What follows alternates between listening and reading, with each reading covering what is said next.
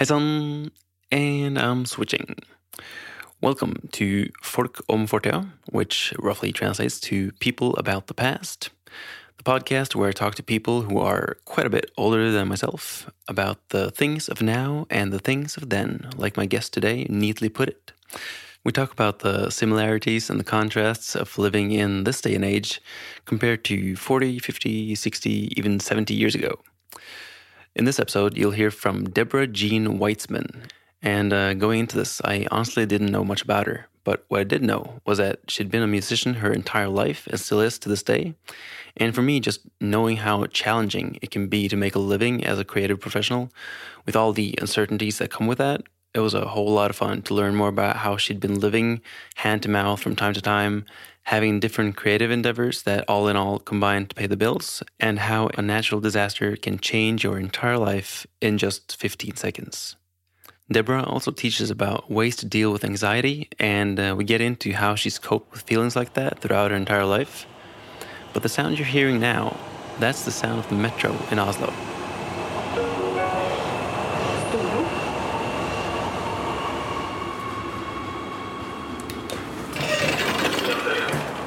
All right, so I'm now on my way to see Deborah, and uh, it's mid-July.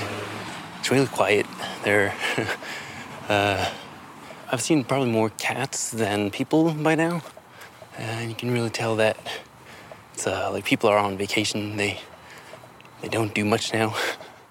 You see, the day prior to this was actually the first time I met Deborah, because she's also married to a guy who's been on the podcast previously, a guy by the name of Harold Leffertstra. That was a weird combination of Norwegian and English, but he's from the Netherlands, so I'm sure there's an unexpected twist either way. So I'm walking down the same road that I did the day before on my way to the same house, and uh, this is what I'm seeing on my way over there. They're big white houses with picket fences and stuff like that.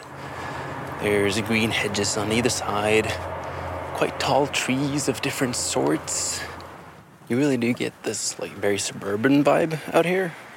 So there's a lot more cats and people just tending their gardens than electric scooters or stuff like that that you'll see downtown Oslo. But out in Storo, it's a lot more suburban feel.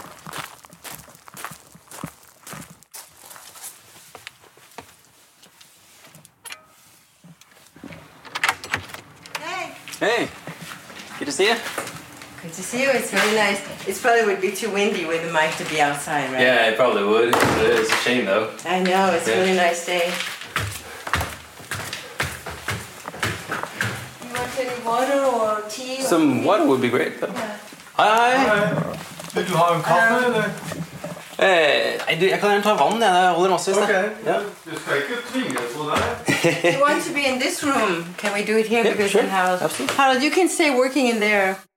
The room she's talking about is where Deborah does most of her work. On one side, there's an old piano, a couch, and some framed certificates on the wall. On the other side, there's a guitar, a music stand for notes, quite a few books lying around. There's some paintings here and there, one from the Metropolitan Museum of Art in New York. And alongside the wall, there's a table, or you know, one of those massage tables, right? With a hole for your face in it? Well, it's kind of like that, but without the hole, just the table. But there's a white linen sheet on it, so it seems really legit. And uh, at the other end of the room, there's a door that leads out to this really cozy balcony with flowers of different kinds and a wooden table with two chairs, where I can just imagine Deborah and Harold sitting during late evenings looking out over their garden. But after a while, we uh, sit down and I ask her when and where she was born. I might get a little emotional because my mom just died. All right. Sorry about that. It's okay. She had a good life. She had a good run. I was born May 31st, 1954, in uh, New York City. I think I was born in Brooklyn, but I don't remember that. And um, I was the first child, so I I got a little emotional because I found some photos when I was now back in America of my mom when I was the first one, and they were very poor. And then my mom got it. Uh, my yeah, my mom was a teacher. And my dad was is he still alive. My dad is an engineer, and they um, were not that poor. and they could have a little house. And so we moved to Queens, which at that time was a little bit countryside. if you go there now, it's no more countryside. Um, but it was a little bit old farms that they built into like little houses. And there's a lot of pictures of, yeah, my mom holding me when I was like like one week, two weeks, three weeks. There was like a lot of pictures, so that was very touching for me. I didn't know that. I didn't know about those pictures.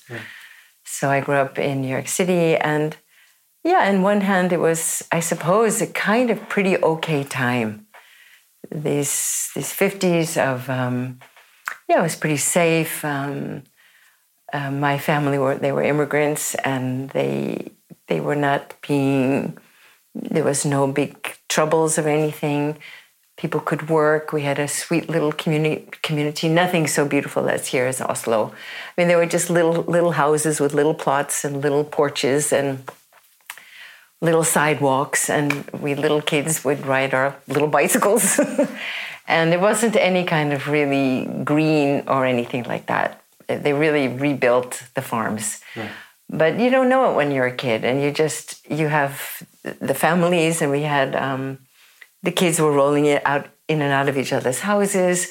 If you, if you didn't have food that you liked at your house, you went to the neighbor. I mean, for example, my family was quite religious Jewish, so I couldn't eat ham but I could eat it at the neighbors.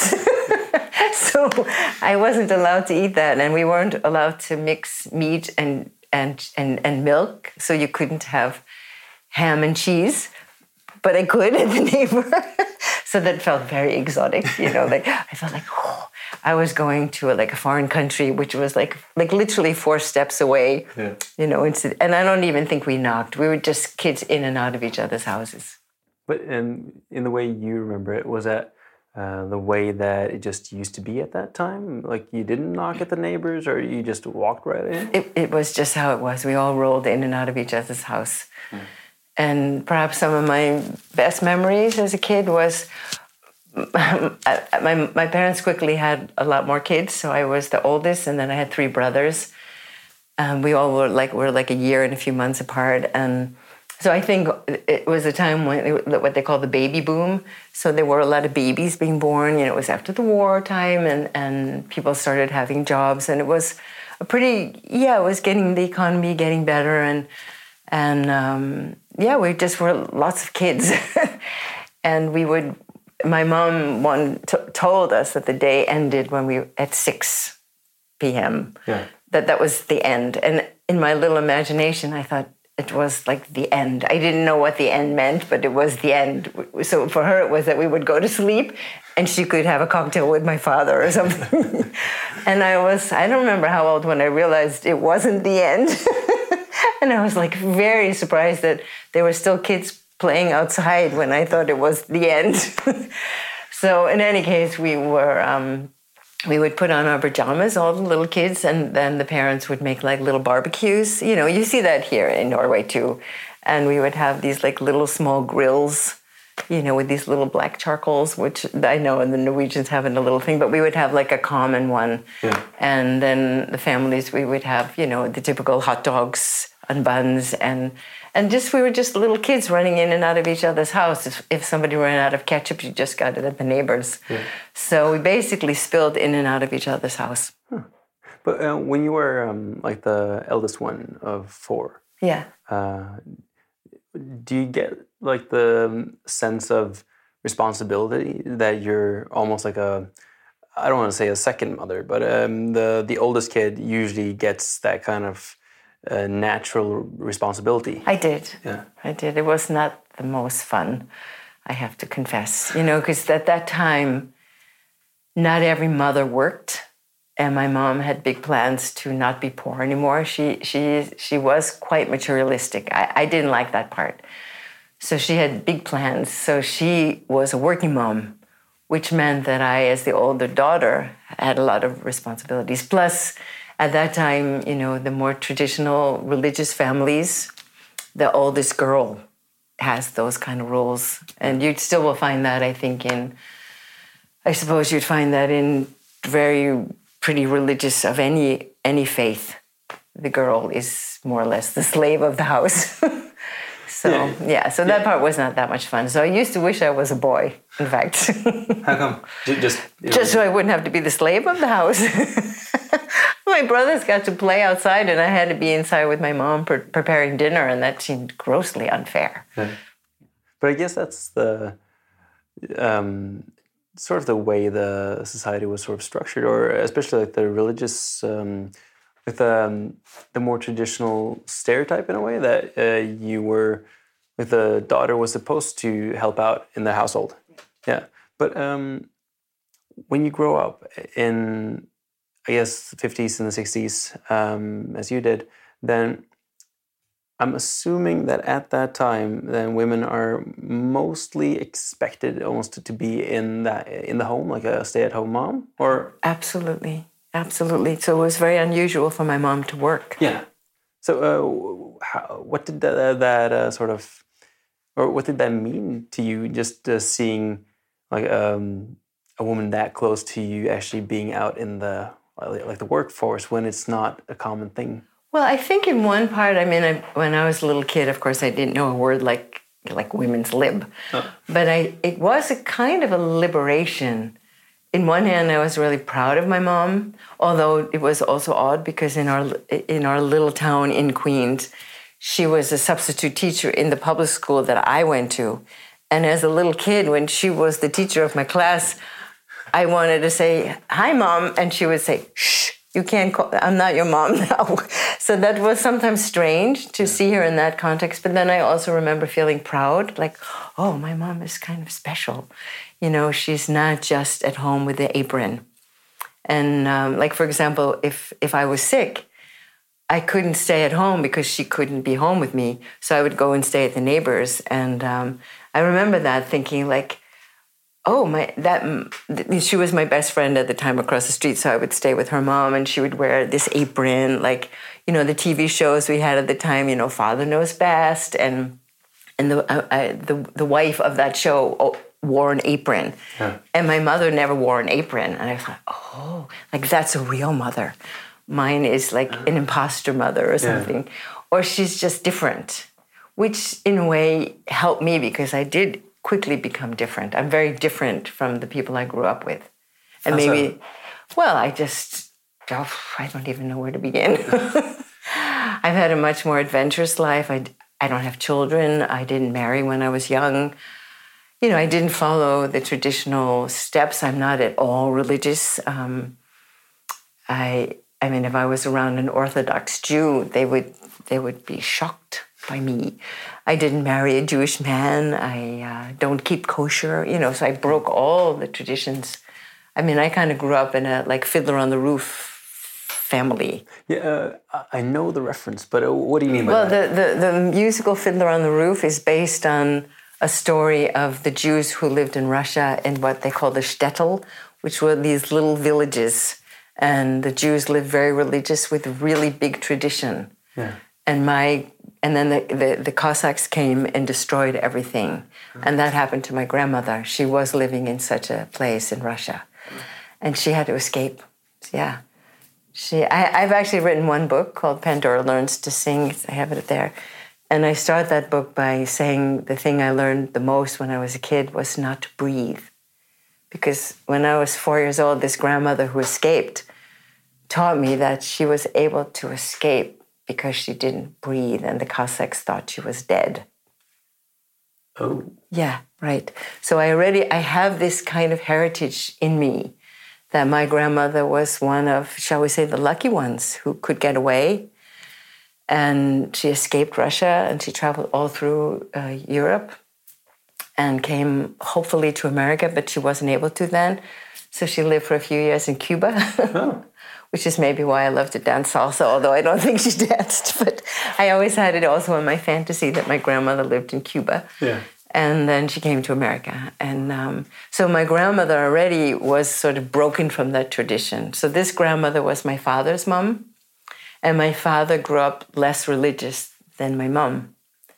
My grandfather chose to come. Well, he- he didn't escape. Well, maybe he did, but it was an easier time. He came in the 20s. He left Poland and he came to America, and then my grandmother came out. So that was before the war, and it was it was just a little easier time. Yeah. So they kept the traditions going more. my Russian grandmother, she didn't keep the tradi- traditions going because her all the traditions were destroyed, and that's the story of the fiddler on the roof. Okay, How all yeah. the traditions they they want to keep them going, but little by little they get broken because of different reasons, and also the Cossacks come, and the people have to leave. Just to put like an uh, approximate timestamp on that. Uh, It was 1919 when my grandmother came over. Really? Yeah. But you said that she lived uh, in Europe for a few years. My So- grandmother was born, both, both all my grandparents were born in, either Russia or Poland. Okay. So uh, I'm guessing she, when she escaped, she was what? Uh, Very young, Yeah. very young. She was, I think she was 18 or 19, yeah. Yeah. It must have left a strong impression on. Yes, yes, yes, sure. That's quite the story. Yeah, yeah. Yeah, so they, they speak about inherited trauma. Yeah. And I surely have, I've worked with that in my life, which is partly the work that I do with others because I, I don't know if I grew up knowing that, but I certainly discovered it soon into my growing upness. Things didn't work that well. I often was very anxious and I didn't know why. You know, we, we, we, we didn't grow up that poor, so we had enough food. I mean, maybe it wasn't the best food, but we had food and we had a bed. But I always had a lot of anxiety, and I didn't know it as a child why. But when you're growing up, then in the 50, 50s and 60s, and say you're uh, like slightly or more and more like coming into your own person, you're becoming who you are uh, becoming at a later point. Then um, can, can you just talk to me about how um, you view, or how do you see society as a whole dealing with uh, thoughts of anxiety and dealing with topics like that? Because uh, from what I would assume, then uh, you don't really talk about that kind of stuff, do you? Well, this is one of the issues I think that is better now. There's much more talk about it, much more therapies about it. I mean, I, I work with this, I teach it, I help people with this. So and when I was growing up, it was more like you just don't speak about that stuff. And so that's one of the definitely the things that are definitely better now, I think, for sure. Because uh, if you don't talk about it, then it's hard to deal with it. Absolutely. So Yeah. w- when you when you say that you uh, uh, you had uh, like you felt some anxiety in some way or other, um, do you remember how you dealt with dealt with that, or did you actually talk to people about it, or is it just some feeling that you're sort of oppressing going around and Well, I think now I know from from well, having lived this long now, and having done a lot of therapy myself to recover. Um, my father, I think, was also very anxious. Um, his father, who also escaped from Russia, didn't find his way in America, so he became a very addicted kind of person. He was a compulsive gambler, so there was a lot of um, yeah, it wasn't so easy in his growing up, and they had to um, my grandmother at that time took my father quite bloody to the child's court, and my my mother, my grandmother, was able to get a divorce, which never happened. So when I was growing up, my father never said the word "my father," and in my in my very creative fantasy childhood, whatever, I thought, oh, my father may have been like a Jesus. He just came from something.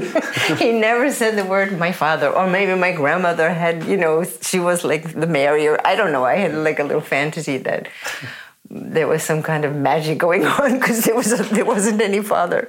And later I learned that there was, but he wasn't a very nice one. And Yeah. they kind of so you don't talk about it. Yeah. You know, you push things away, and um, and I think I just turned to. I, I, I was just anxious a lot and I turned to some creativity, luckily. That was the good side. I used my fantasy to, to my, my anxiety to build fantasies.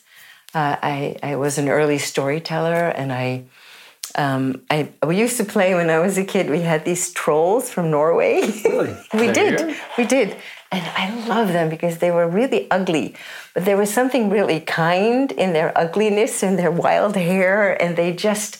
I decided my troll really loved me, and I we were we were we weren't we weren't poor, but we weren't rich, so I couldn't buy the accessories for my troll. So I used to make him or her. I don't know if it was a him or her clothing. Yeah. I used to like make little crocheting sweaters and I used to sew little pants and skirts and things.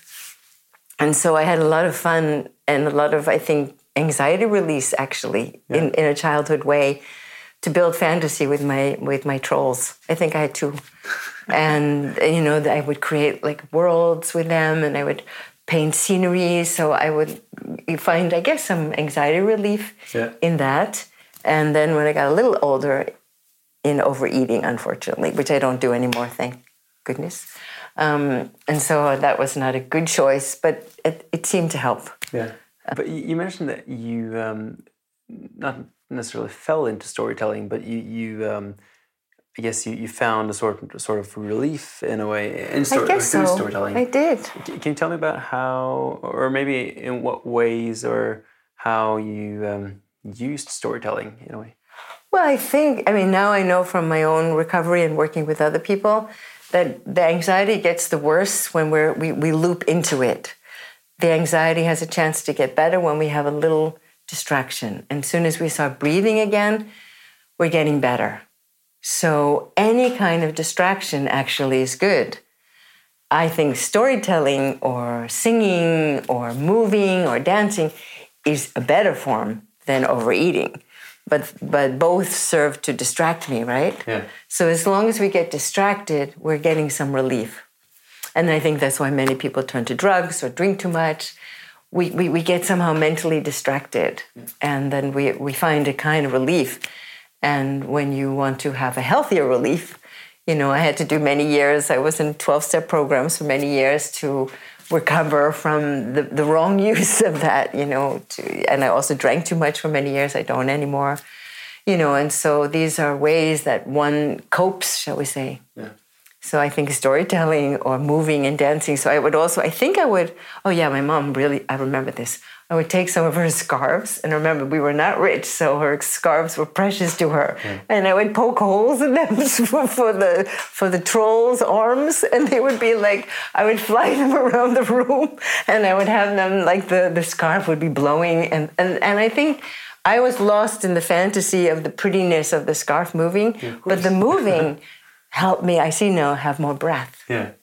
And in, in this little kid dancing around her little room with her troll with the destroyed mom scarf, I found some anxiety relief. Yeah, I can imagine. But um, it's interesting how uh, you um, how you talk about uh, storytelling as anxiety re- relief because um, in a way, like creativity is. Uh, and I'm not entirely sure where I'm going with this, but I feel like it's uh, from a good place. So we'll see where sure, it's headed. Um, but when you, you, like when you use your creativity, you're basically look, you're looking at all your experiences and you're trying to like combine them in different ways with this new thing. Like either if it's um, writing songs or if it's for like for me just making like film or films or podcasts or whatever it is. Like it's a way of um, combining things that maybe shouldn't be combined and making something new. And when you make something new, like uh, of course you're distracted along the way while doing that, but um, just the sense of mastery that you get from taking what you've observed uh, around and then just creating something new that is quite profound. Absolutely.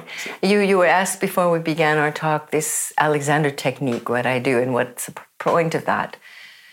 I mean, for example, I have some people now who come to me who are in that place of high anxiety.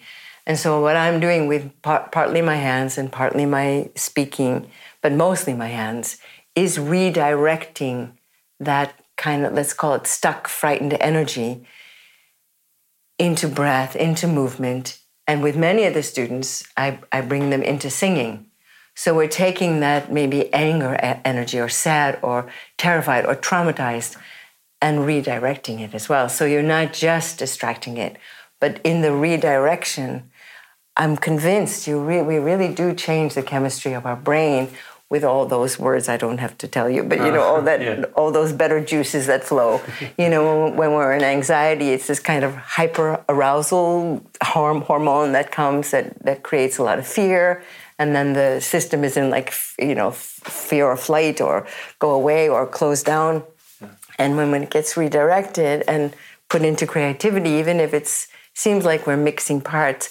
I really, I'm, I'm convinced, I'm really sure, and a lot of this has been researched that you are changing the chemistry of your brain, which leads it into a much more positive, less anxious, more breath, more pleasure, and so on.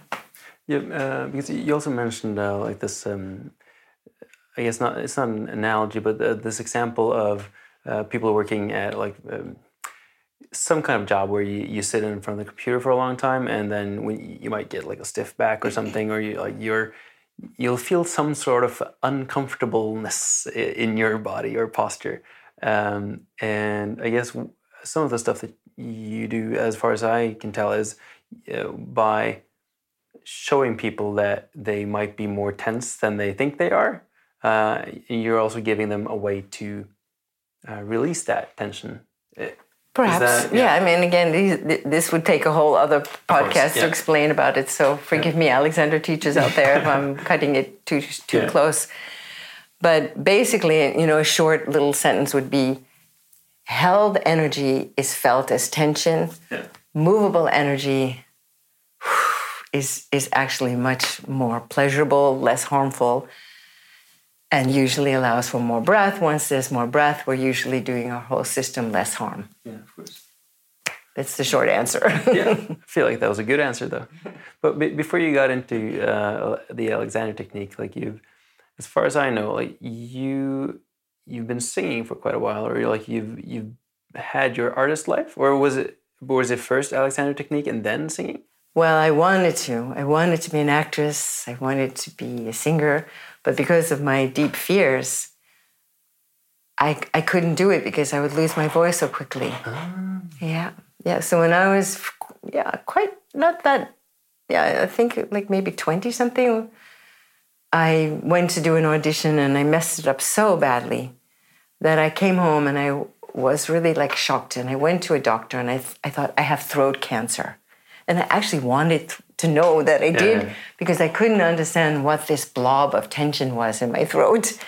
And the doctor looked in my throat, which was later the story I discovered with Alexander. And the doctor looks in and says, you know, say ah. I said ah. He said, it looks good to me. And I thought, it, it can be good. Why do I feel so terrible? Mm. He said, I don't know. So I remember going home and just sitting in my chair in New York City in my apartment. Um, I was at university and, and just crying, like like feeling sorry for myself that I didn't have cancer because I didn't know what I could have then. Mm. And later, when I discovered the Alexander technique, it was my own tension that was that blob that felt like cancer that was so tight like when the muscles get so tight you know your tongue your jaw all in here there's no room for any resonance. And we end up forcing our voice, and then you easily can lose it. Yeah. Well, yeah. So when I started doing Alexander, I mean, I won't, you know, it's like, it's kind of like the chicken and the egg. They kind of came at the same time. I had, I had a lead in a play. I was Sally Bowles in Cabaret, and I really wanted to do a great job. And I somehow got through the show that I didn't lose my voice. But it wasn't just about not losing my voice, it was also, um, you know, like really the, the, the gem in me, the one who could really act and sing. I was so afraid.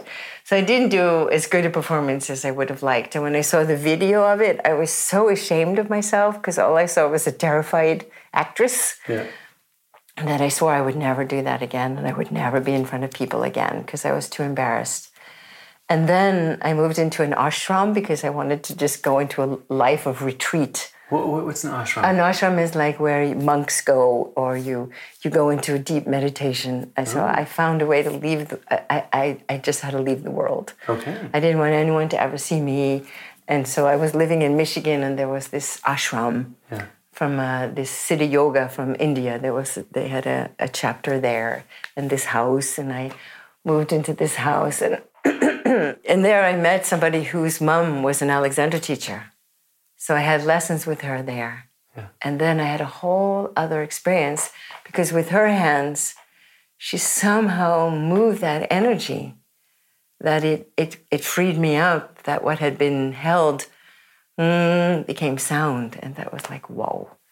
So I worked with her for a couple of years, and then I knew I had to become an Alexander teacher, and then that changed everything.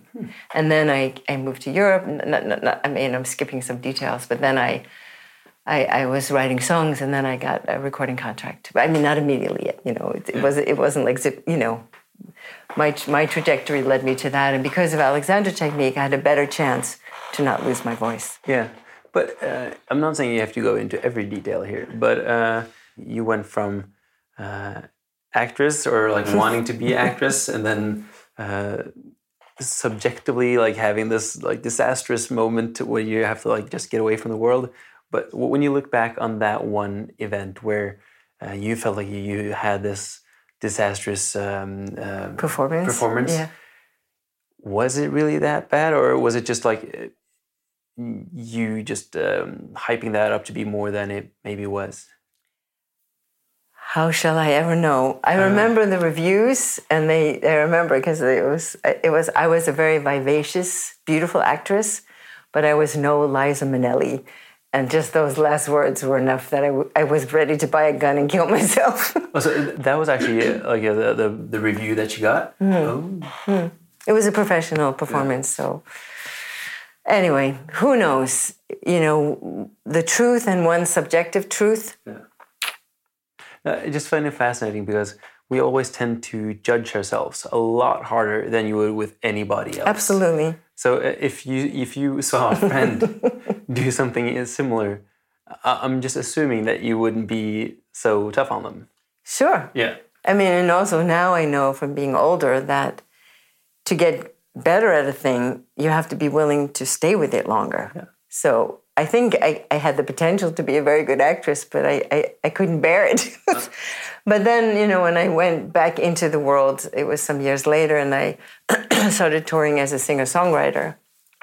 I did use some acting sometimes in my songs, sometimes.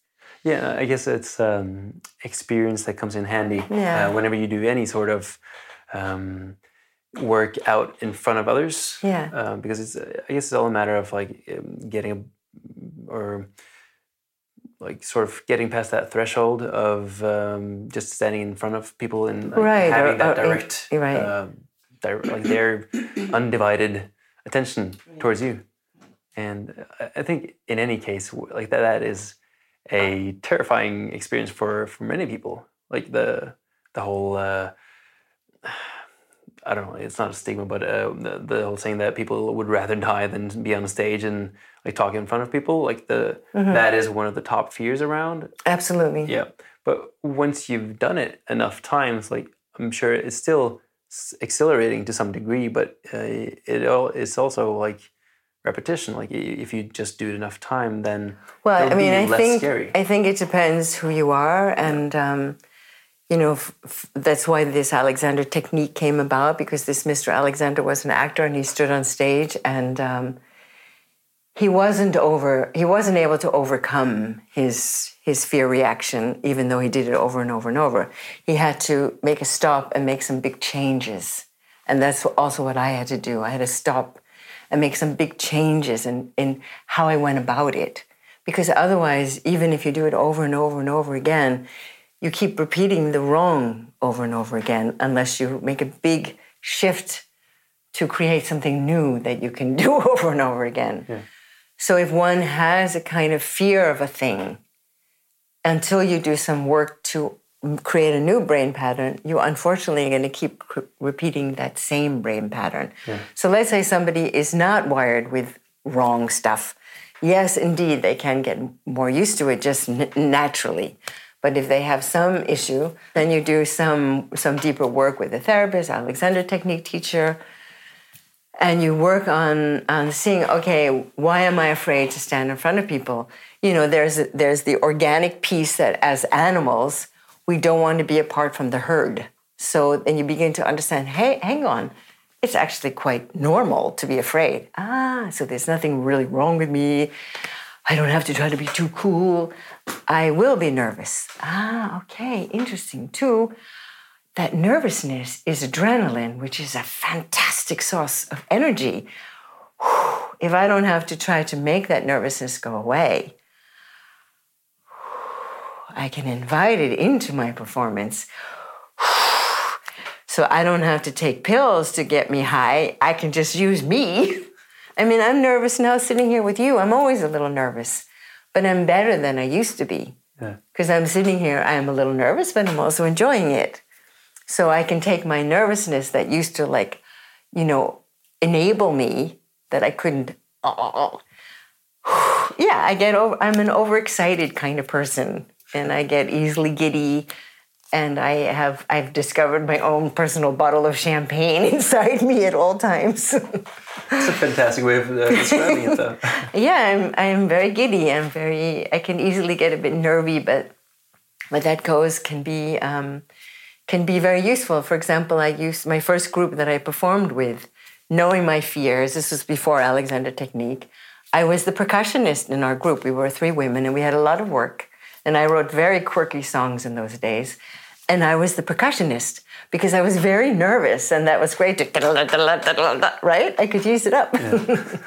so I used it. I mean, go meet any drummer and ask him to just hang out and relax, and you'll see him tapping his foot or tapping his hand, right? Yeah. So I know that I'm a kind of nervy person, and I go and I dance salsa, and I could dance for hours and hours and hours and hours. So it has some good sides. Yeah, and I feel like whenever you're nervous, then you, um, at least you're uh, sort of, um, you know that you'll try to bring your A game because you want to be the best you that you can be. So of course you can. It's easy to sort of fall prey uh, to that feeling and sort of let that uh, overtake you in a way. But um, it'll also make sure that you try to do your best because when that feeling is there like if, if I'm standing in front of a crowd and I am doing a talk or whatever I'm doing, mm-hmm. then I I'll always feel that rush, like right the very second when I'm like walking to wherever I'm I'm gonna stand in front of people and talk to them with all their faces pointing to me. When I get that feeling, like that rush, um, I know for sure that that will keep me um, what do you call it? Like um, keeps you present. It yeah. keeps you really there on your toes, like yeah. in a. Definitely. That's and, your champagne. yep, absolutely. And and once it's over, like it's, it's almost like uh, it's a blackout or something. So you just like feel that like I was so in the moment right there that I can't actually I can't remember it properly because I was just so focused, and that's a very rare feeling. So if you can invite that in and sort of use it as your own personal champagne bottle or whatever you want to call it, then uh, that must be a, a, fantastic form of, or it must be empowering, I can only assume. Well, it certainly has helped me because this, I mean, I would have been too scared to sit here like this with you. Yeah. yeah. You know, and I hope it's quite an. No, I mean, I'm enjoying it. Yeah, I'm, I'm, I'm, as I said, a little bit nervy, but I'm also enjoying it, and that's the difference. I'm, I'm glad to hear it. But um, just going slightly forward with like that timeline of yours, because uh, you mentioned that you went to Europe and you, you stayed there, and now uh, we're obviously in, in Oslo. And yeah, I never yeah. left. I, no. I never went back to live in America. You never? never no, did? no. Once I came to live in Europe, I stayed. Well, um, how come? It's a little older here. It's a little slower.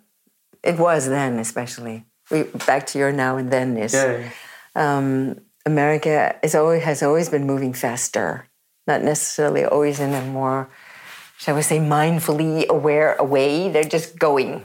America is the land of doing, and they think later or not.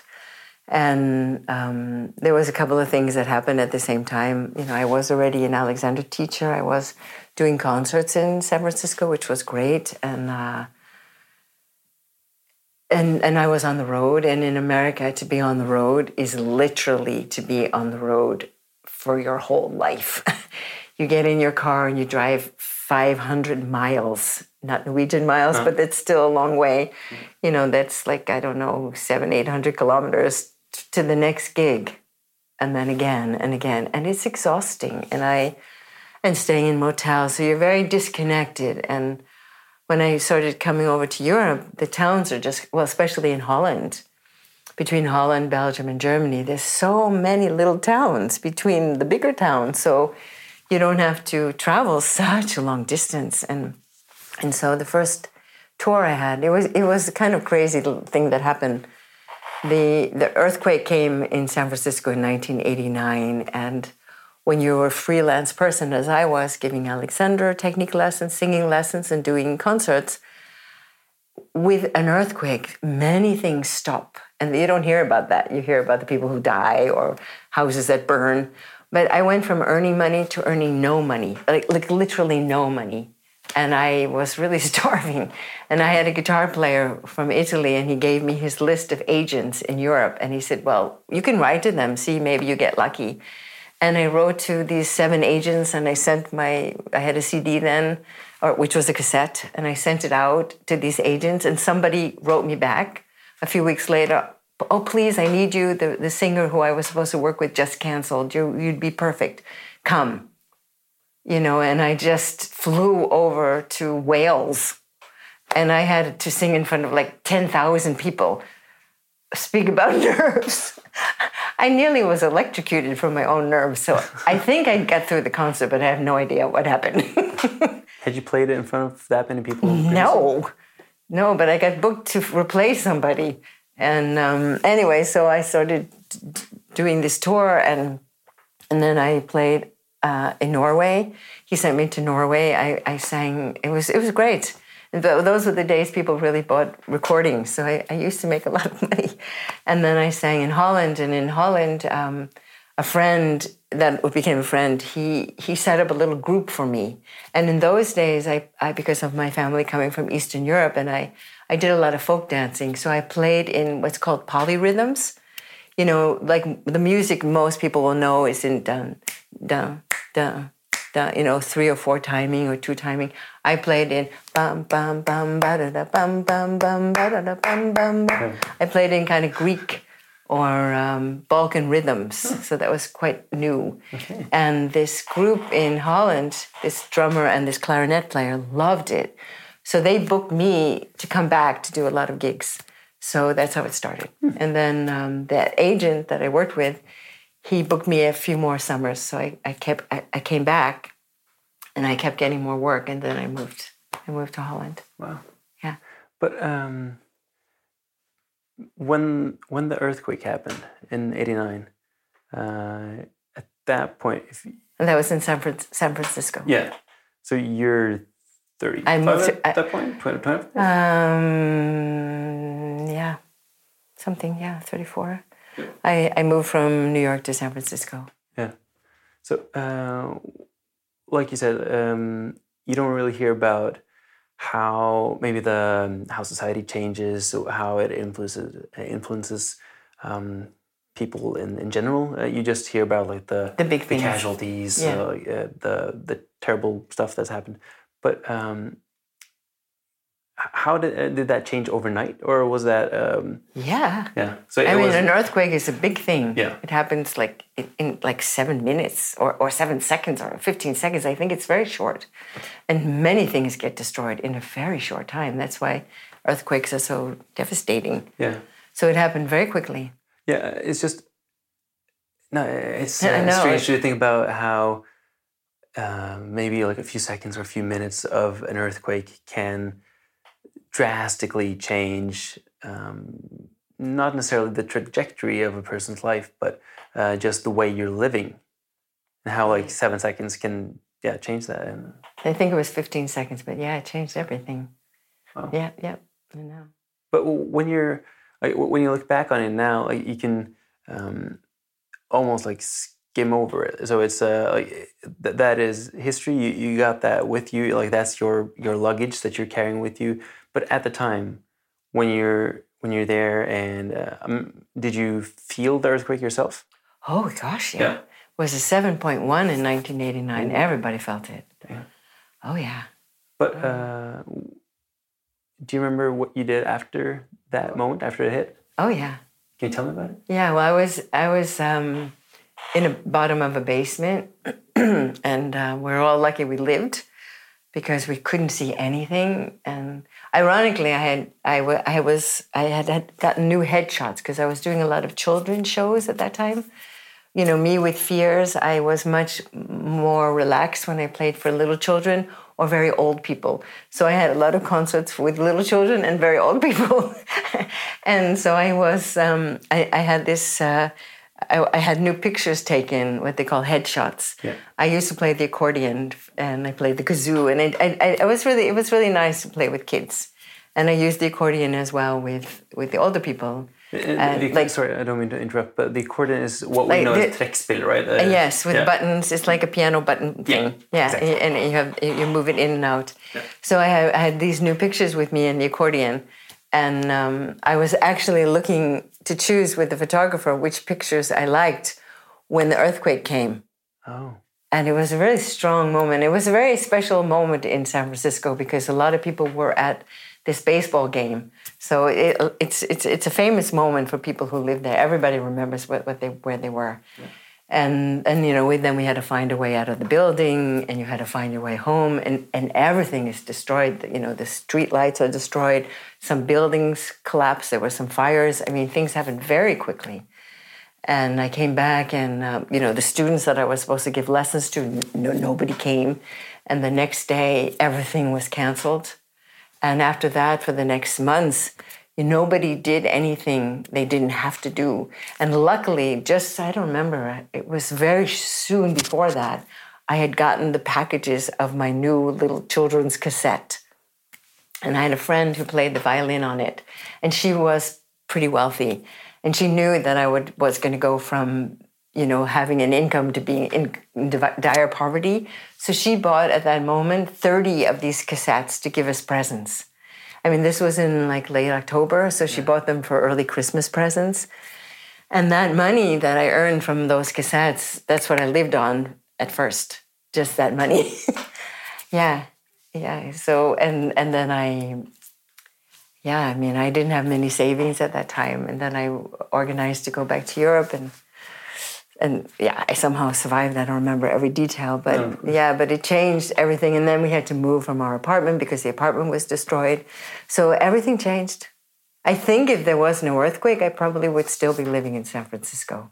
I liked it there, but after the earthquake, I couldn't. And uh, I had a, uh, I was not quite married, but I had a boyfriend that I was from Ireland, England, and he worked as a carpenter. And you would think he would have a ton of work after, but he had no work also. Hmm. So we both he went directly back to he was living in London, so he went back to London, and I went to Holland just so we could survive. So we didn't have a place to live anymore in San Francisco, and yeah. Like life, like shit happens, right? Yeah, absolutely. I mean, I was a forced refugee, you know, where I was just forced out. Yeah. And I was a lucky one because I was able to stay with a friend in Holland and I had gigs and I could start earning some more money again. Yeah. Yeah. Wow. I know. Uh, that's. Uh... I know the things we do to survive. Yeah, absolutely. After experiencing something like this, you'd think that Deborah might look into a lifestyle that's a bit more safe. Maybe take up a profession that is not as unpredictable as the life of a musician can be, or a creative professional in general. However, she did, like she mentioned, move to Holland and started playing gigs there. And we got to talking about what it was like to actually be a musician in the 80s and the 90s, and just the difference in playing then compared to this day and age. I remember the first time I toured here in Norway. I had very, very long hair. I know now my hair is gray, but I had really, really, really long, long black hair, really, really black. And with my brown eyes, and in the summer, my skin got quite brown. And there weren't that many browner people then. No, and people really used to stare at me like I was some kind of exotic princess passing through. That doesn't happen anymore in Oslo. You know, I'm not such an exotic princess anymore. No, I can just assume that uh, when you were here, like that would be in the 1990s. Yeah, uh, and I'm I'm just guessing there was a lot of maybe tall, pale, blonde people around. A lot. Yep. and they were staring at me in their kind of Norwegian way of not really staring. Right, and people used to buy a lot of my CDs. Yeah. And I remember that was when Norwegians started getting really rich. And they would come to me, and like I would sell my CD, I think, for 150 crowns. Yeah. And they would give me a 200 crown note and say, keep the change. Oh, wow. Big shots. Big shots indeed. Yeah. Indeed. And I would think, and of course, I didn't always know the, the, the, the change. And I would see a 200. And yeah. in my head, it was like $200. And I would think, whoa, they're really rich. because I was still really poor then. you know. Yeah. This was still right after the earthquake. Oh yeah. So I was like, okay. You know, every every little extra was like, okay, I'll be able to eat, I'll be able to eat on Thursday. Oh, I can eat on Friday. Oh, I'll be able to eat on Saturday too. yeah. But uh, that whole- um, mentality of uh, like the uh, sort of unsecure ways of living as a creative professional. Um, how have you coped with that? Or like, how, how do you view that? Because uh, it really is something that you got to get acquainted to. You got to get used to it. You got to get um, like I, I tend to whenever I talk to people who um, are surprised or impressed that I still work with like the film company that I started with that friend of mine. Like we've been going for four or five years now. It'll be five in September, and uh, I always tell them that like it's not about it not necessarily it's not necessarily about how you actually do it. You just gotta like stick it out in the long run. That's the only way you can actually. That's the only thing you can really uh, get right. Like, as long as you just stick it out, either something will happen or you'll make something happen. Um, but you, you can't like make gigs appear. You can't like get clients out of nowhere. Like you gotta work. Like, what was the work that I did to help make that happen or help that happen? I'm just uh, curious about how you um, came to terms with that. Like how how that um, how that became your lifestyle and how. Well, I mean, now they have a term for it. It's called gig economy. Oh. But in, in my day, we just called it surviving. I, I had no health insurance, which made my parents very nervous, and I promised them that I wouldn't get sick. You know, what good is that? I mean, I was lucky that I didn't. I was really lucky nothing ever happened because that was terrible in America. If, God forbid if something happened, it would cost your parents a fortune. Yeah.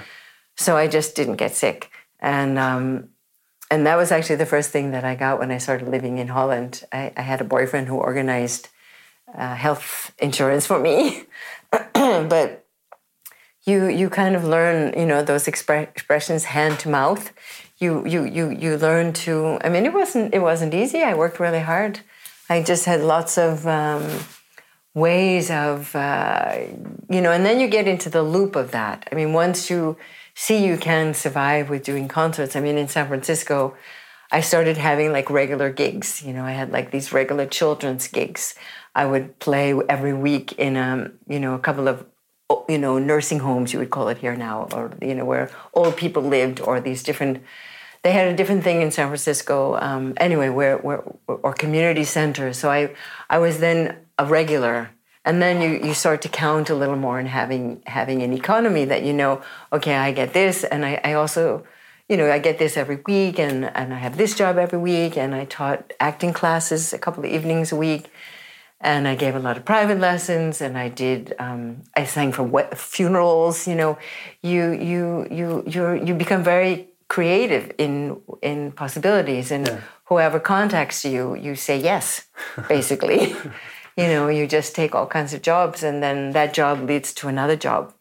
I mean, for example, in San Francisco, it was pretty new at the time. Now this transgender is more known, but then it was pretty new, even though San Francisco was always a place um, where you know gays could gather more easily. But the whole thing of changing your gender was quite new, and I had some people coming to me who were changing from being a male to a female, and they would come three times a week, and I would work with them as their voice was changing. Oh. Yeah, really. With Alexander technique, with voice work, with sounding, with opening their throat and tongue and so on. Getting used to using their body, their back, their legs differently, their thighs differently, their pelvic region differently. You know, I mean, so I had many interesting jobs.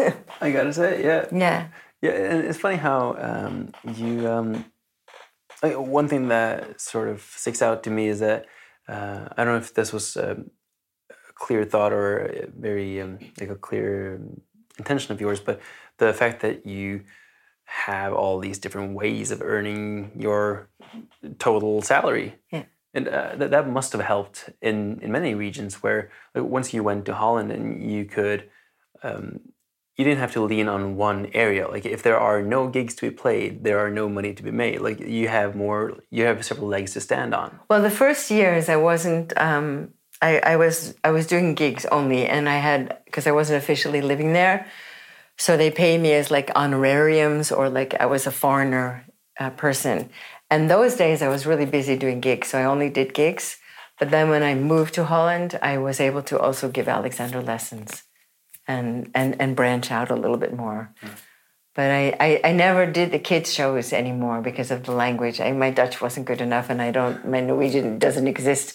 You, you need you need language to do work with kids because I was very funny with the kids. I mean, I use my goofy, nervous energy to be very playful. When I mean, I had a puppet, and I I did a lot of kid shows in San Francisco that were really fun for me because I would use my shyness and I would put it like I had this really cute puppet, and I would have the puppet do all kinds of like you know, kind of naughty things that I, I, would never dare, but the puppet did it, you know. and then the puppet was my courage in a way. Yeah. And the kids loved that. Huh. Well, especially then. I mean, kids have changed also now. Yeah. But kids were, of course, more innocent then and more curious. They weren't as, the, the attention spans were longer, for sure. Yeah, you think so? Oh, for sure, huh. for sure. That is for sure. but it's just funny how uh, like just saying yes to something yeah can always lead to something else not always but when you're lucky it can yeah, yeah. and um, i don't know if what your experience is but um, for myself at least like just saying yes to something that i not necessarily knows i don't know where it might be headed uh, but in some cases saying yes can uh, eventually lead to other projects that you wouldn't get otherwise. And of course like there's a uh, there's a whole um, or like the, the the ability of or being able to say no like once you're in that kind of position money wise or financially uh, that is a, a, privilege in a way. And it, feels very good to be able to say no to some kind of jobs that you don't want to do. But especially in the beginning just saying yes can really lead to uh, or like you said they can snowball into other kinds of projects yes I mean, I was too poor to say no. Now, in, now I have a more luxury situation living in Norway, and I've had a lot of work over the years, so I can sometimes say no now. But in those days, I was too hungry to say no. Yeah. And I was often terrified. So my husband, when he when he met me, he started calling me his brave warrior because I'm always afraid. but one, I'm a little curious, and two, I have learned that when I say no, yeah. it's like you stop something. Yep you know you close the door on on the who know you don't know what yeah.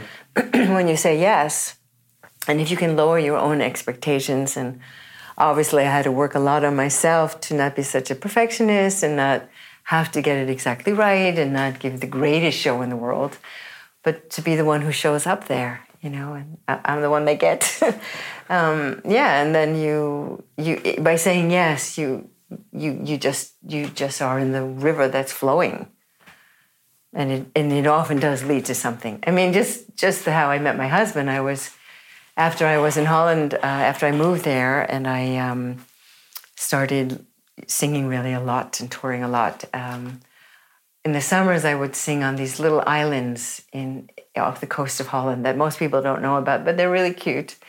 And one such island, I went there in I think in 1997, and my husband, who was from the north of Holland, brought his two Norwegian born children to see the island of his youth. And we met on the mm. ferry. You, you, guys met, met on the ferry? We met on the ferry going to the island where he was going on holiday and I was going to work.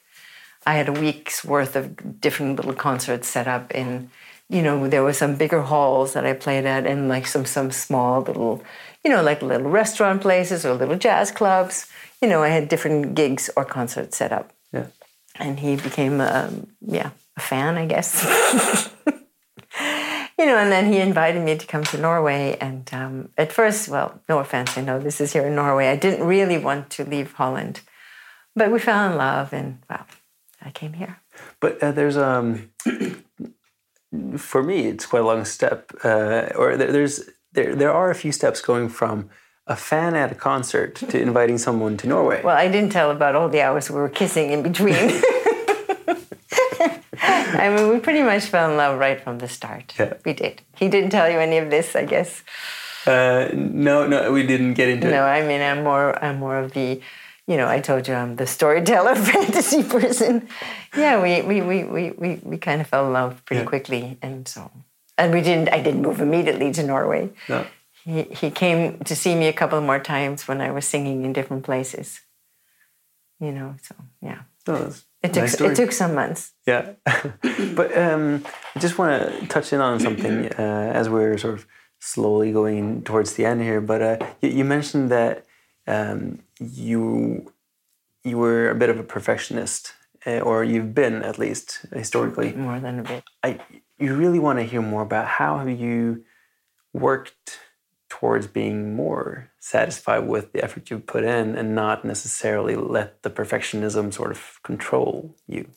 I mean, this is an interesting question because um, I have worked on this over the years with with therapy, with Alexander Technique, with the 12 step program, with learning to accept, with um, you know, in a way, I don't want to sound like your um, your dear princess here, but you know, sometimes I do I do a little angel work where I'm thinking it's not just me. I don't have to be so self conscious that it's me. There's there's like a kind of angel spirit that sings in me or takes me over, and so I'm not responsible. And I even had some singing teachers that would say, "Put her behind you, let her sing you." You know, let it come through you. Let be a channel more. So those kind of thoughts actually do help a lot. Hmm. That it's not only me, me, you know, again, connecting to the animal in us, that as the animal, I'm wired to be afraid to be in front of the herd.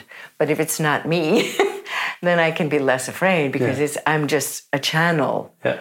I'm, I'm creating as, as if when I sing, I'm starting the sound behind me, Yeah. That it's just passing through me. Yeah, like you're almost standing behind someone else and like they're taking the Exactly. the So that helps a lot. Yeah. I mean, we have one direction with Alexander Technique, back, back. And when I was first learning this work in one of the first concerts I did, my teacher said, just stand up there on stage and just keep thinking back, back, just that your back is going back. It's not like I push my back, but it's it's a little bit like martial arts where you're or you see people do Tai Chi, the energy moves through. So I'm inviting the energy of all that adrenaline, all that stuff, the energy of the song, the melody, be going back. And it was remarkable. That was the first concert I didn't lose my voice. And that idea has helped also with perfectionism, with everything. Hmm. And now I find this is one element of our nowness that is more difficult than the thenness with things like Facebook and all these selfies and YouTubes. I mean, the first time people put up stuff of me on YouTube, I was terrified because I felt so overexposed. And and and some people just video you in a concert and they post it. You can't be in control of everything that's out there. I have a lot of YouTubes out there, and I don't even know half of what's out there. And you kind of have to give over to that. That you're not always going to look per- you know, you're going to look sometimes really weird. I mean, people take pictures of you singing. Your face is distorted. Your your tongue is ill. You, you you're not going to look great. And you know, and so in some ways, it's a little harder now with all this overexposure time. We we had it a little bit less in our face in the old days. you know, I would have a photographer come and take pictures of me, and we could choose which photograph we used. now people post all kinds of everything about everybody and yeah and then you see people getting over concerned when they do their own selfie and i don't want to be that self-conscious all the time. So it's a tricky time. It's tricky and i think this is it's a work in progress. I'm not i, I don't want to give the feeling like i'm completely over my perfectionism. I mean i'll probably hear this and think ah i should have said oh i don't know if you completely recover from it. I just you know again it's letting energy move okay, I'm, I'm, I wish for the best. I want to be pretty damn good, but I'm, at this moment, living with you, I'm, I, I, this is what this is what we get, you know, and to be a little more breathing with it, like like this this one little thing one of my students gave me. It's okay to breathe. I really love that. You know, like okay, it's okay right now that I'm not going to be perfect. Yeah. I feel like in a, in a lot of cases, just aiming for like that good enough Yeah. is um, is all you can do basically, and or if you can manage to just feel slightly okay with Right. good enough, then I really feel like we're getting somewhere. and also to, to to be in practice i mean as i said i have this concert coming up and now because i don't have that many concerts i will be in more practice i'm, I'm rehearsing this afternoon with somebody so i will take this on like i want to be in a good shape for this concert so i will practice Yeah. that's the art of practice that i will help my cause to be maybe not perfect, but at least in a good shape by being in practice. I mean, singing is a sport, like running, like swimming. So if I only run once, if I just go to a marathon and don't practice, I'm not going to be in very good shape. Nope. So to be a better singer, I want to be. You know, if I met with you a few days in a row and we did this, I would probably be a little less hyper than I am now. I would get, I would get more used to it. Yeah. But I feel like that, that also comes back to that moment you mentioned um, as uh, like an actress in the like in the in the start of your actor, possible act, actress career where um, you have this moment that you feel like is disastrous at the time or you get a review that you're not comfortable with that is um, that hits you at a moment in your life where you still rem- remember it today. So like I, I can just only assume that that really had an impact on you. But when you look back on it or when you look at your singing now and you view it as like oh this is just something i need to practice on um, i feel like th- that is a very that's a, um, a way of looking at things that is very applicable to a lot of areas where as long as you just put the time in and you sort of use that uh, nervousness or excitedness Yeah, and, and also, man, I'm not ever. I'm, I'm getting more relaxed. I'm not. I mean, I'm not like my brain is not like always in that state. Yeah, it, it becomes more pleasure, becomes more joy. It it it gets easier. You know, usually when you start a show, yeah, you start um, the first song or two, and I always like to start with a song that I know I can do well because, yeah, I call it my can opener song that I can warm up into it, and then the show usually has its own life that takes over. You know, things with the audience or my energy warms up more, and then it kind of goes. It goes. It sort of has its own life, and then we don't have to think about those things anymore, and that's part of the preparation that I'm prepared to enter into this other way of being. I mean, if I'm going to sit back on my couch and watch Netflix, I certainly don't get all adrenaline pumped up for that, right? I'm, I'm chilling out and it's nothing I have to do. Yeah. But when I'm in front of people, I, I just, when I was in New York, just because of my mom, I was there for a couple of months. I saw the Leonard Cohen, there was a big exhibition about him. And there was one talk that he gave that he too was very nervous before we came on stage. And, and he says, you know, I have like thousands of people waiting to hear me. A lot can go wrong, he says. you know, and so he did some meditating and he, you know, was really praying to his higher self and preparing to be in that place where he wouldn't disappoint them. So he was also very concerned about that, even to the end. Yeah. You know, that you you don't want to let the people down, you know. But I think that's something that a lot of people, or almost most people, have to go through whenever they're in a situation where they're expected to perform or they expect of themselves to perform at their highest level.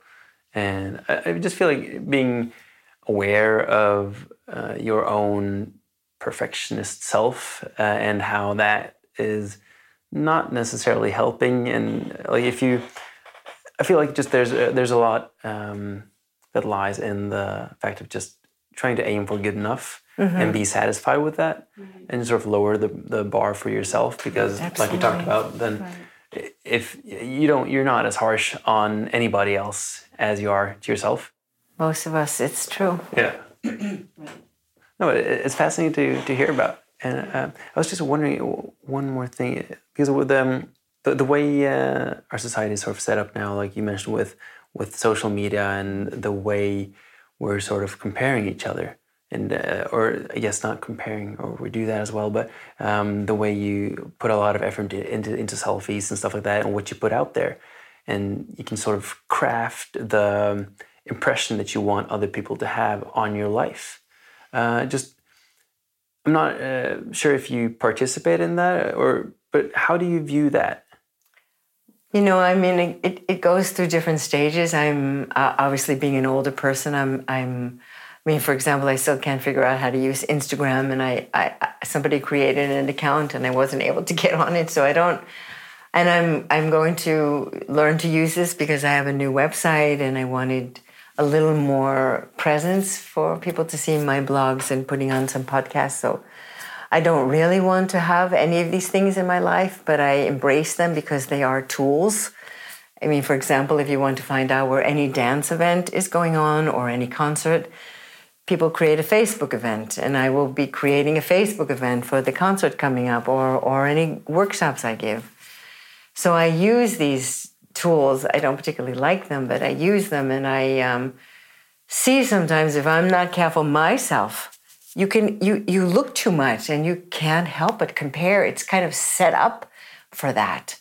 And I, I think you have to be some kind of wizard to not have it affect you a little bit. So I think the best that we can do, each one of us, is just really limit the time we're in that thing because it's set up to kind of drive us batty. Yeah. and it does. So, I mean, you know, many people have like divorced themselves from it and and I kind of wish I could be divorced from it and not be in it at all. But then I would miss out on finding out events and also I still want to participate. So I, I'm in that technical realm because of, of being an active person in society, and these are our tools. But I have to work harder with myself to not. You lose time. We don't get that many hours each day. So this is also a challenge, I think, for all of us. You, you hear all, every really great writer right now saying this in their own talk that um, if you really want to get any work done, put away your phone. Yeah. Or um, have a little digital holiday or like I heard it in one show, have a digital cleanse. You know, you're you have like time out, you're, you're off off wire, you're not in a Wi-Fi zone. It, it's that's great. Yeah, it's really good. Yeah, uh, like I, I could talk for hours on end about, about that. uh, yeah, like just separating yourself uh, from from just technology in a bit, but mo mostly your phone and. Mm. because for our sense of attention, you know, this again, we were speaking, I don't know what, if this is the theme of this talk, but the then and the now, just all of us, um, even if I was from then and I'm living now, my sense of attention. I mean, for example, years ago, I would sit in a stairwell, you know, when I was at college, I would write my songs in the stairwell because my voice sounded so nice in the echo of the stairwell, you know, with the staircase. Yeah. And I felt very alone and no, nobody really could hear me. And I could stay for hours, you know, and now I, I always, even after an hour, I have to check my phone. Yeah. I mean, the idea of that, I think, God bless that. And I teach workshops where we put away our phone and we enter into that, where we don't have our phone for a couple of hours. But we have to kind of be like a team to do that because it's really tricky, right? I mean, I teach this and still I'll, you know, mm, we have we, we have these like cravings. It's like the new addiction. You want to check who's contacted you. Who loves you now? You know it almost becomes like love right? So it's like like who, who likes me? Who who who admires me? Who thinks oh, i'm special right now? And it's very intense. Yeah. yeah because you sort of you feed off that recognition Really? and it's a very uh, i don't know like it's a it's not something you want to like be addicted to but uh, i think we, uh, all are whether we like to admit it or not. It's just a matter of i admit it. I Yeah. am. And i hate that i am and i hate what it does to me. And i have to make some jokes about it because i see whoa yeah. But then i know i hear from some friends who will write me because i also choose what i post and I'll meet an old friend and they'll say, Oh, you have such a glorious life. Because they only see the good things. yeah You know, nobody sees when I'm having a hard moment and thinking of like doing myself in because of, you know, some some ridiculous thing that usually somebody doesn't like me. Or I had a little crisis a few days ago because I'm, you know, getting older now, which is not so easy here in Oslo in the dance scene. And I went to an open tango and nobody wanted to dance with me in it. And I'm a I have been a very good tango dancer and usually I get to dance a lot. And I was just in New York City where everybody was dancing with me. And here in Oslo, it's a very cliquey kind of crowd. And um, so I came home and I felt really sorry for myself. But it's ridiculous, really. So I went outside and I went away from my phone and I just was there in my garden. I mean, now this is a good time. Everybody's on holiday. Yeah. And uh, we have a big tree that nobody can see me. And I was just doing my own tango. And I was loving myself in that moment, so I didn't have to kill myself. You know, we have to have some humor. Yeah. It gets kind of ridiculous, right? absolutely So there you go. But uh, when you look at the the time ahead, uh, what are some of the things that you're excited about? That you look forward to? For Trump not to be president anymore, I would really love that to happen. I, I think it's just horrible. Um, for more people to be aware than people who are asleep. I mean, I, I certainly work towards that. Um, again, What, what do you mean by that? Well, the more people wake up and, and become really aware. You know, I was in America and talking to Trump supporters, and the thing that you can find in common with all of them is they're getting information from, let's say, Fox News, which is a very manipulated form of information. So I can say, without playing God, that those people have a very specific sense of awareness. And I yearn for them to have a bigger sense of awareness where, where, where in a practical term, they don't only listen to one or two American uh, fed newsreels that they open it up to get a, a bigger view. Because um, what Trump is doing, which is, I think, very dangerous, is he's, he's, he's taken over what truth means. You know, these people, we, we- we're looking outside and the sky is blue with some clouds. They'll tell you it's, it's black with some stars, and they will believe you and that's that's very dangerous i think you know that it's like again that people believing the, the world is flat Yeah. because there are people who believe that again and i mean we know that the world is not the earth is not flat we we really we have proven that and when you get people starting to believe that there's there's other things that gets dangerous Yeah. we're in the time now of yes climate has always changed but we have now a time of mankind making the climate change much faster and if people say that doesn't matter i think that's quite dangerous Absolutely. and we, in one hand, I see this time as very exciting. That there's, you know, like this young Greta from Sweden who invited a lot of young people to wake up. Fantastic. You know, wake up. Each one of us can't change the world, but together we can have an enormous power. And this is a very, I mean, all this stuff should have been done 20 years ago. We're not going to be able to avoid all the floods and changes, but if we if we work together now, we can work that it changes back into a better better place and and I think yeah it's really exciting time on so many levels to find out what we really need Yeah. Absolutely. you know what do we really need and I I worry here in Norway with the growing materialism? Do people really need all the things they're busy buying? Is that so important? What, do, what do we really need? And I I find it a very exciting time to, to, to more more people working with their breath to see what is it that really makes us happy. For not just a few seconds of buying a thing. Yes all of us just like the addiction to facebook yes. Buying a new thing has a few minutes of big excitement. But does it last for very long and when you're really in your breath or the the thing i was talking about learning how to use our energy for me, that's a much more sustainable place of happiness or joy or, you, you know, recovering from anxiety or, you know, being in a healthier state of mind. So that's what I'm excited about. Yeah, I feel like that's uh, the best way to end on. So um, I hope you get a lot more phone-free moments with like dancing tango out in the yard or in the garden. Well, oh, when I, I, I danced last night and I was a little luckier. I had a few more people ask me to dance. So I'm glad to and I hear it. danced salsa and it was really nice last night. I got to dance a lot, so I was very happy.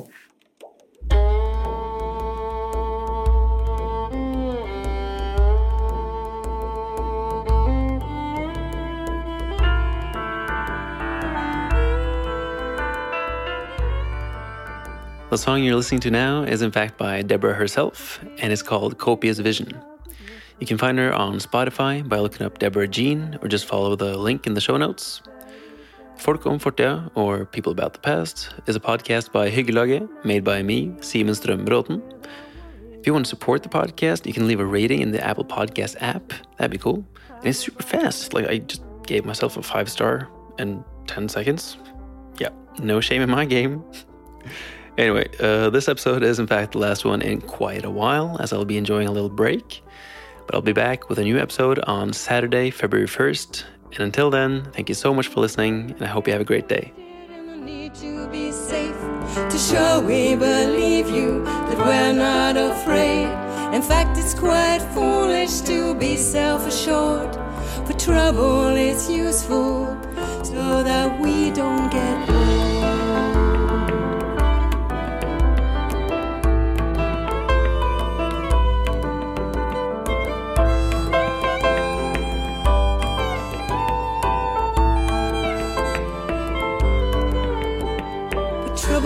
Stop at a place that we like so we can predict what will come down the pike.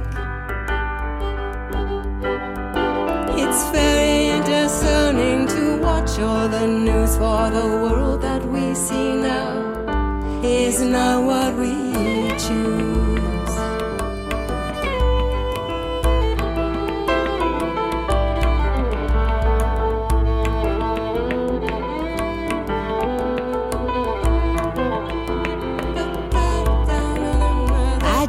Want to laugh without worries or strife and believe in this version of how I do life.